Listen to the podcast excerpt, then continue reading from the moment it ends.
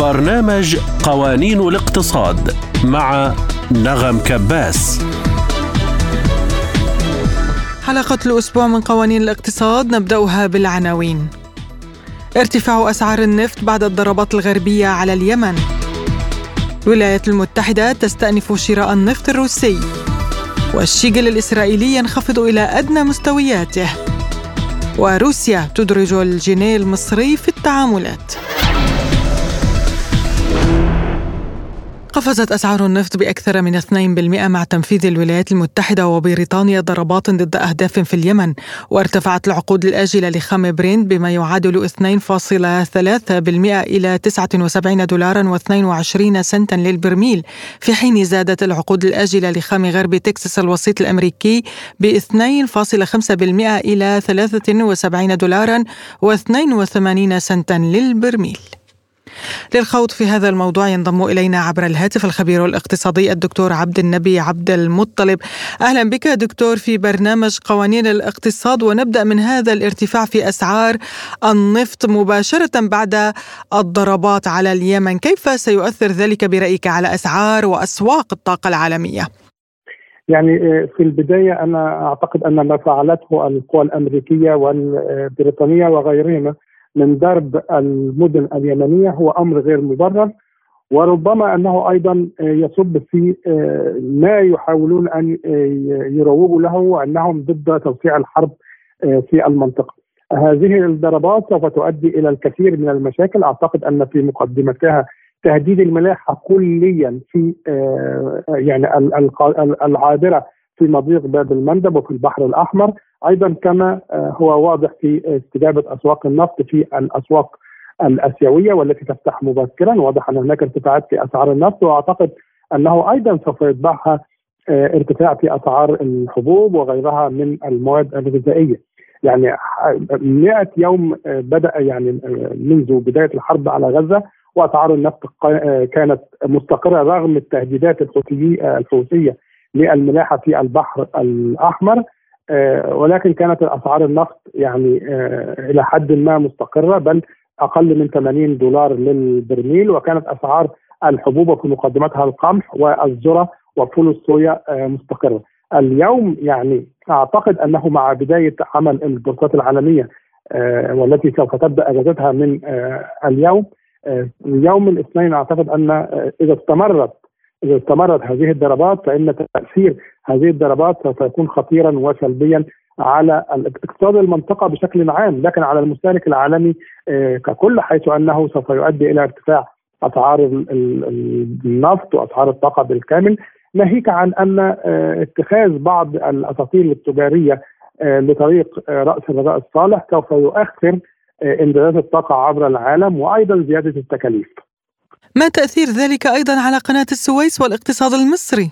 يعني بالتأكيد سوف يؤثر بشكل كبير يعني آه، في ظل الهجمات الحوثيه كان السفن التي تذهب إلى الموانئ الإسرائيلية فقط هي التي تشعر بالتهديد لكن باقي السفن لم يكن لديها مشاكل أيضا السفن العابرة من اتجاه مضيق باب المندب إلى قناة السويس كانت هي التي يمكن أن تتأثر لكن كل التجارة القادمة من أوروبا عبر قناة السويس إلى المضيق لم تكن تتأثر على الإطلاق لأن الجماعة الله أنصار الله الحوثي كانت تقول أنها تستهدف آه، السفن التي تحمل العتاد والمؤن إلى الكيان الصهيوني أي تلك القادمة من آه، كل دول العالم والقادمة آه، إلى إسرائيل عبر مضيق باب المندب ومنه إلى البحر الأحمر. وهذه السفن عادة لم تكن تقترب من قناة السويس لأنها لا تذهب إلى أوروبا. الآن ما فعله الأمريكان والإنجليز هو تهديد للملاحة بالكامل في البحر الأحمر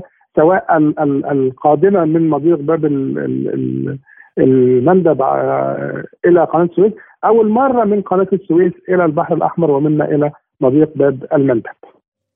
هل تتوقع دكتور أن يكون بحر الشمال في روسيا بديلا لهذا الممر المائي؟ يعني أنا أنا شخصيا لا أعتقد خطرا في ظل هذه الظروف يعني عندما نتحدث في بحر الشمال في روسيا وفي الشتاء. يعني أعتقد أن المسألة يعني آه، يعني تحتاج إلى الكثير آه، من التفكير. ناهيك عن أن الجزء الأساسي حركة التجارة التي تمر عبر مضيق باب المندب هي تجارة جنوب شرق آسيا إلى أوروبا أو إلى شمال أفريقيا أو حتى إلى المنطقة العربية. ومن هنا أنا لا أعتقد أن استخدام بحر الشمال خاصة في ظل ظروف الشتاء يمكن أن يكون مناسبا عن طريق رأس الرجاء الصالح لأننا نتحدث عن آه، وصول آه، أغلب هذه السفن إلى البحر المتوسط ومنها إلى الموانئ الإسرائيلية، أنا أعتقد أن استخدام بحر الشمال آه، يعني يعني أعتقد أنه صعب حاليا خاصة للسلع القادمة من أوروبا وال يعني المصدرة إلى أوروبا والواردة إلى أوروبا سواء لشرق آسيا أو للمنطقة العربية. ما تأثير استمرار هذه الضربات على الاقتصاد الإسرائيلي نفسه؟ يعني أنا أنا في اعتقادي أن يعني لذلك قلت في البداية أنه خطأ خطأ كبير. يعني هم يعتقدون أنه بتوجيه بعض الضربات فإنهم سوف يجعلون آه، جماعة أنصار الله الحوثي تفكر أكثر من مرة قبل أن آه، يعني تهاجم السفن. لكن في اعتقادي أنهم بذلك على العكس. يعني هم آه، اشعلوا فتيلا لتوسيع أمد يعني أمد ونطاق الحرب وهذا سوف يهدد بشكل كبير الملاحة في البحر الأحمر بشكل عام ولن يساهم في تهدئتها. ولذلك أنا يعني من البداية قلت أن هذا قرار آه، خاطئ. تصعيد التصعيد ضد جماعة أنصار الله الحوثي ويعني آه، يعني سوف يؤدي إلى مزيد من الصراع وليس إلى آه، تقليل الصراع أو يعني الوصول إلى مفاوضات من أجل ضمان أمن الملاحة في البحر الأحمر. الخبير الاقتصادي الدكتور عبد النبي عبد المطلب شكرا لك على هذه المداخلة.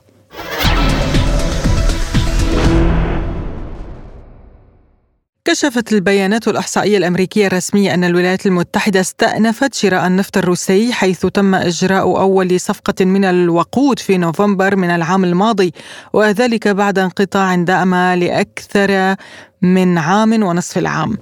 لمناقشة هذا الموضوع ينضم إلينا عبر الهاتف الخبير الاقتصادي والنفطي الدكتور همام الشماع. أهلا بك دكتور في برنامج قوانين الاقتصاد ونبدأ من استئناف الولايات المتحدة لاستيراد النفط الروسي. ما دلالات هذه الخطوة برأيك؟ يعني هذا يؤشر أن الولايات المتحدة وضغوط ربما من بعض أعضاء الكونغرس قد تغير آه، موقفها تجاه ما يجري من آه، حرب بين أوكرانيا وروسيا. لأنها شعرت أن هذه الحرب هي استنزاف للقدرات الغربية أكثر مما كونها تستنزف القدرات الروسية، روسيا أثبتت يعني قدرتها على المواصلة والمطاولة مهما قدمت الولايات المتحدة والغرب من دعم لأوكرانيا، لذلك يعني قد تبدأ الولايات المتحدة ببعض الخطوات ذات المدلول أو المؤشر على أنها تسير في طريق آه، ربما سيكون مختلفا عما مضى في السنوات السابقة. يعني دكتور واشنطن عادت اذا لشراء النفط الروسي، هل تتوقع أن يقوم الأوروبيون أيضا بذلك؟ بالتأكيد يعني بعد أن بدأت الولايات المتحدة التي كانت آه، هي الحاجز أو المانع الأكبر في وجه العلاقات الأوروبية الروسية بدأت الولايات المتحدة بإعادة العلاقات الاقتصادية وفتح باب للعلاقات الاقتصادية. يعني ربما ستعود أوروبا أيضا إلى هذا يعني هناك مدلول آخر ربما أن الحاجة إلى الطاقة الأحفورية لم تنتهي وأن الولايات المتحدة يعني قد تشعر بأن محاوله ابعاد روسيا عن الطاقة الاحفوريه طاقة النفط هو عمل يضر بالاقتصاد العالمي وباقتصاد الولايات المتحدة والاقتصاد الغربي بصورة عامة. الرئيس بوتين قال إن الاقتصاد الروسي أصبح الأول اوروبيا والخامس عالميا، كيف استطاعت برأيك روسيا رفع هذا المستوى للاقتصاد رغم العقوبات الغربية؟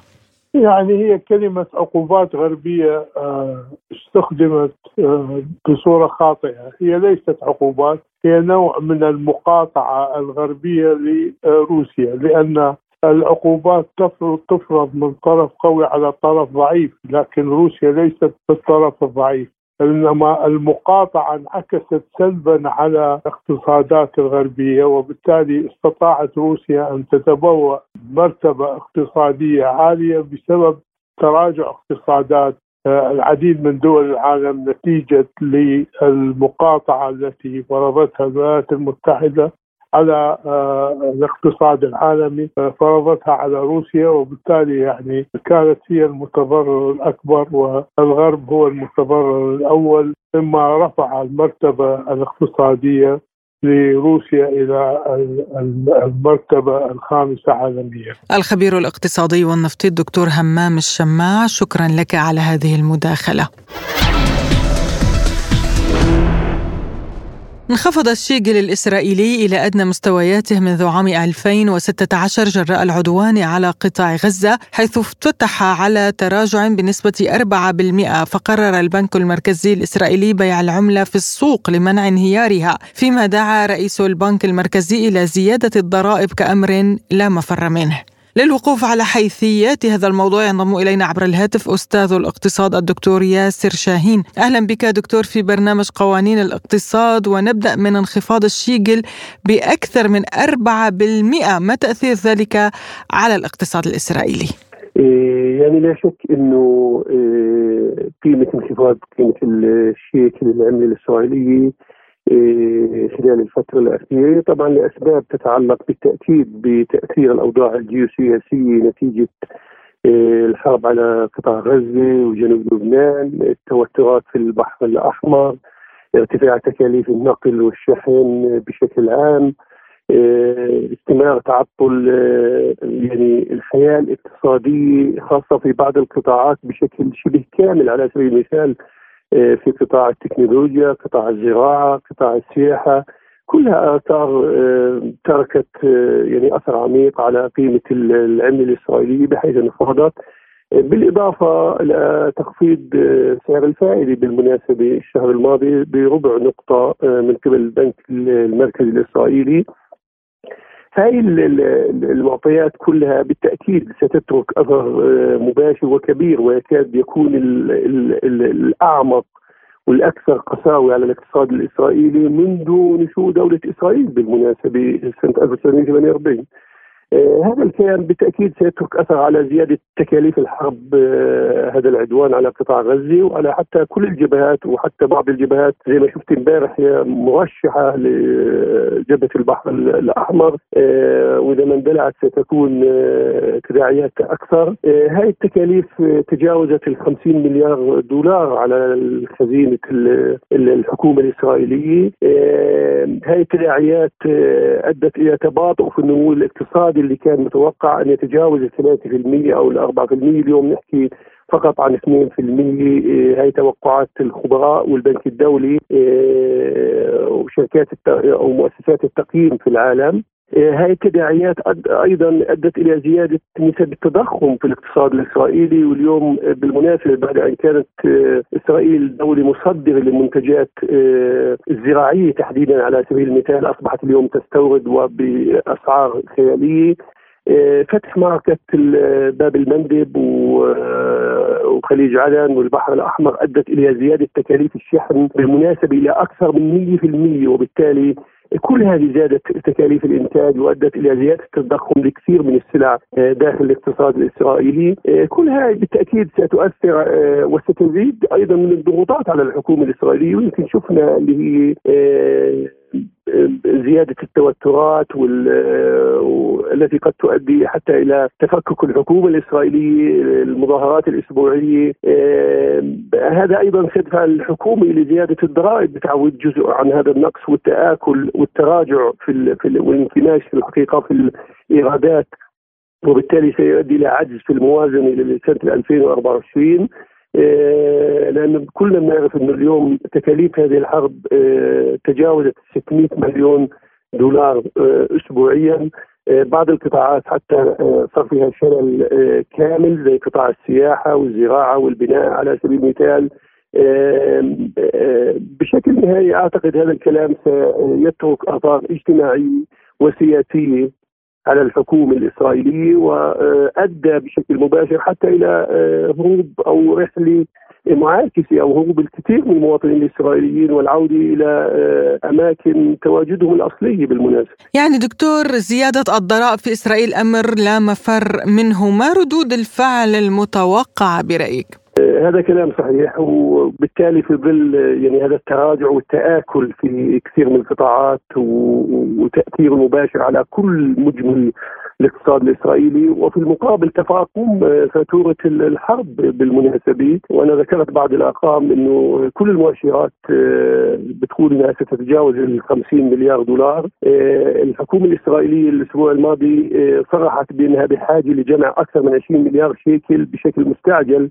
بالوفاء لبعض الالتزامات اللي لها علاقه بالفاتوره الفاتورة الاجتماعية بسبب يعني بسبب استقطاب أكثر من 300 مليون احتياطي وزجهم في المعركة وهذا ما خلاها تتراجع الحقيقة خلال الأسبوعين الماضيين لإرجاع جزء منهم. آه، لتنمية أو على الأقل آه، لإسعاف بعض القطاعات الاقتصادية اللي آه، وصلت إنه ممكن تتوقف بشكل كامل خاصة قطاع البناء، قطاع الزراعة بشكل عام، وبالتالي في ظل ارتفاع فاتورة الحرب لا مناص من وتحدث الكثير وزير المالية تحدث بشكل مباشر هم بحاجة لزيادة الضرائب خلال العام المقبل لتعويض جزء من الخسائر الفادحه والكبيره خصوصا إذا ما استمرت هذه الحرب وبالتالي لا مناص من زيادة الضرائب في الاقتصاد الإسرائيلي وبالتأكيد هذا سيترك مؤشرات سلبية على نسب التضخم على الضغط الشعبي على المواطنين وبالتالي زيادة احتمالات تفكك الائتلاف الحكومي والذهاب إلى انتخابات مبكرة. وهذا كمان سيترك أثر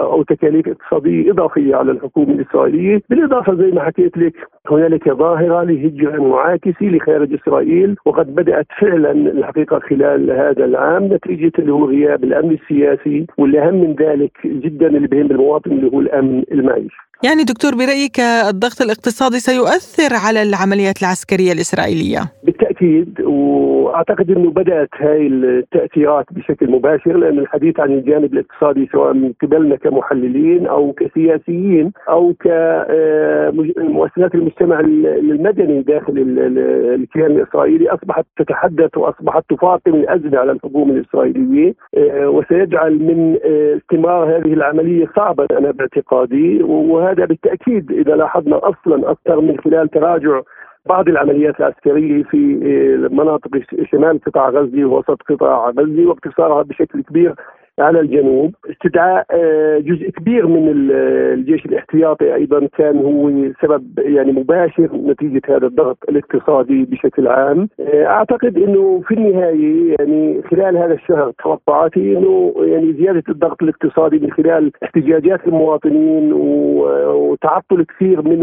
الحياة الاقتصادية داخل الكيان الإسرائيلي وتفاقم فاتوره العمليات العسكرية. أعتقد ستكون سبب وضاغط كبير آه، على السياسيين داخل الكيان آه، الاحتلال. أعتقد آه، من أجل وقف هذه الحرب على غزة بشكل عام. بالإضافة إلى دخول متغير القضية التي رفعت في لاهاي وتداعياتها الأخلاقية والسياسية على مستوى العالم ولاحظنا إنه هنالك تغير جذري خاصة في مواقف بعض الدول الأوروبية على سبيل المثال كبلجيكا وزي ما لاحظت فرنسا أيضا لم تنسجم مع أمريكا وإسرائيل فيما يخص تداعيات العمليات داخل البحر الأحمر وبالتالي أنا أعتقد إنه سيكون الجانب الاقتصادي هو من العوامل المؤثرة التي ستضغط على توقف هذه الحرب الظالمة على قطاع غزة. ما الوضع الاقتصادي في الداخل الفلسطيني يعني بجميع فلسطين ليس فقط بقطاع غزة؟ آه، بالتاكيد هذا الكلام ترك أثر مباشر وعميق آه، سواء على الفلسطينيين في الداخل فلسطين 48 نتيجة زيادة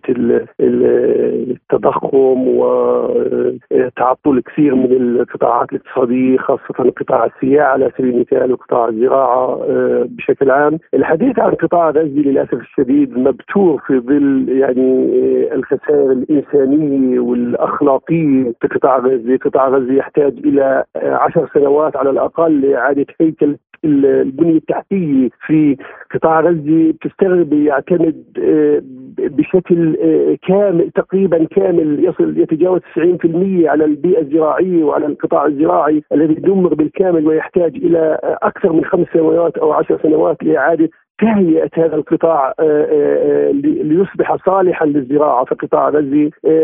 كل المؤشرات الاقتصادية في قطاع غزة تكاد تكون ذهبت للعدم. يعني الحديث عن البطالة بطالة كاملة 100% الحديث عن نسب الفقر الحديث عن كل المؤشرات الاقتصادية هي سيئه في قطاع غزة. أيضا الضفه الغربية تعاني من نفس الحصار ومن نفس الحرب حتى في مدينة جنين وطول كرم ونابلس وكل المناطق الفلسطينية. الإغلاقات بشكل كامل الاستيراد في ظل آه، تعطل الحياة الاقتصادية نسب البطالة تجاوزت بعد ما كانت بحدود 22 24% اليوم نحكي عن حوالي 40% في الضفة الغربية آه، عدم قرصنة فاتورة المقاصة وبالتالي آه، عدم قدرة الحكومة الفلسطينية على دفع رواتب. أيضا تركت أثرا عميقا ومباشرا لأنه إحنا بنعرف أن قطاع الحكومة هو قطاع مشغل لأكثر من 300 ألف عامل من القوى العاملة في الاقتصاد الفلسطيني وبالتالي تأثيرها كان كبير وعميق. وبالتالي آه، أجزم لك أنه نسب الفقر آه، اليوم كنا بنحكي عن الطبقة المتوسطة في, الواقع الفلسطيني اليوم نحكي عن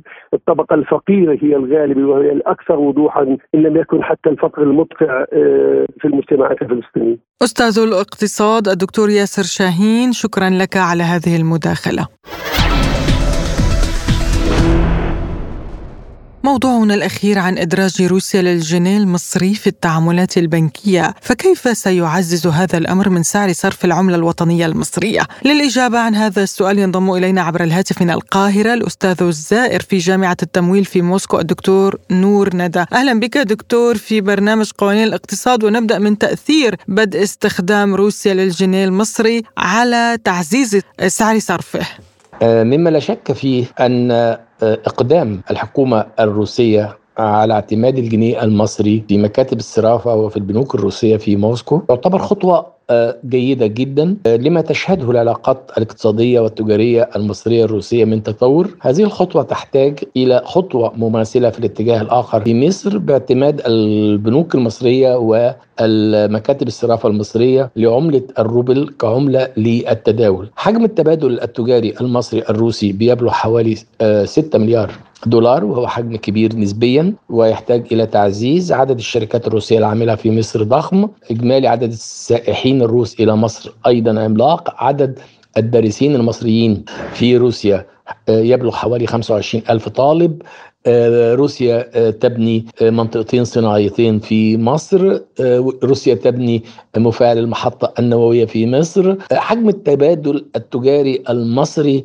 الروسي يتطور. على الرغم من الضغوط التي تتعرض لها مصر في محاولة من الغرب وفي محاولة من الولايات المتحدة الأمريكية لإبعاد مصر عن آه، علاقة آه، آه، متطورة مع روسيا الشقيقة نعم دكتور كيف تفيد هذه الخطوة عضوية مصر في البريكس خاصة وأن روسيا تترأس التحالف هذا العام؟ خطوة من شأنها أن تؤكد وتدعم عضوية مصر في تكتل البريكس. هذا التكتل الذي يهدف من ضمن أهدافه إلى تسوية المعاملات التجارية بين الدول الأعضاء باستخدام العملات الوطنية. وفي ذلك يعتبر تحدي ضخم للدولار الأمريكي وتحدي ضخم للنفوذ الأمريكي المستمد من دور الدولار كأهم عملة في تسوية المعاملات الدولية. إلى الحين على الرغم من تناقص هذه الأهمية في الفترة الأخيرة بنسبة تتجاوز ال 30%. وزارة الخزانة الأمريكية أعلنت استعدادها لدعم الاقتصاد المصري ما آلية هذا الدعم ما أهداف واشنطن منه دكتور؟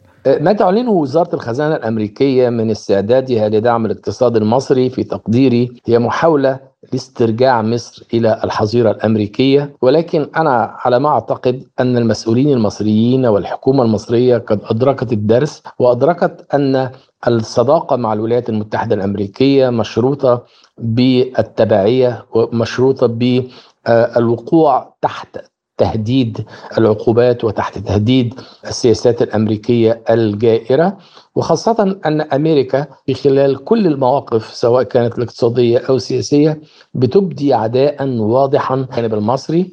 آه، حتى أن كثير من المحللين الاقتصاديين المصريين يروا أن حجم المشاكل والأزمات التي يعاني منها الاقتصاد المصري والتي تعاني منها العملة الوطنية المصرية هي مشاكل مصطنعة في محاولة من الولايات المتحدة الأمريكية للضغط وإرغام الحكومة المصرية على اتخاذ آه، مجموعة من الإجراءات التي تتطابق مع السياسة الخارجية الأمريكية. وفي الفترة الأخيرة الدور الأمريكي والغربي في دعم العدوان الإسرائيلي على غزة وعلى آه، أبناء شعبنا الفلسطيني يؤكد في أي موقع تقف أمريكا، أمريكا تقف في الجانب المعادي لطموح شعبنا، المعادي لأمال شعبنا في الحياة الكريمة، وبالتالي أنا أعتقد إن هذا عبث وأعتقد إن هذا آه لابد أن يكون له ثمن. ولكن مصر ليست على استعداد لدفع أي اثمان تمس استقلالها أو تمس كرامتها أو تمس سيادتها على كامل التراب المصري. يعني دكتور هذه الخطوات ستؤدي إلى خفض الأسعار وتحسين المستوى المعيشي للمواطنين؟ آه، مما لا شك فيه أن بداية آه، تسوية المعاملات الخارجية المصرية بالعملة الوطنية المصرية من شانه أن يؤدي إلى خفض الاعتماد على الدولار ومن شانه أن يؤدي إلى فك تبعية الاقتصاد المصري بالاقتصاديات الغربية والتي من شأنها أن تؤدي إلى خفض الأسعار ورفع مستوى معيشة المواطنين المصريين حيث أن اعتماد الاقتصاد المصري على الغرب والذي يبلغ الآن المكون في الصناعة الوطنية المصرية الآن المكون الأجنبي يزيد عن 70% وده نسبة خطرة جدا أدت إلى نوع من التبعية وأدت إلى استيراد أزمات ومشاكل اقتصادية يعاني منها الغرب حتى أن كثير من المحللين الاقتصاديين المصريين يروا أن التضخم وارتفاع الأسعار في مصر الآن هو تضخم مستورد من الغرب وهذا التضخم اللي أدى إلى انخفاض مستوى معيشة المصريين وبالتالي الخطوة الخاصة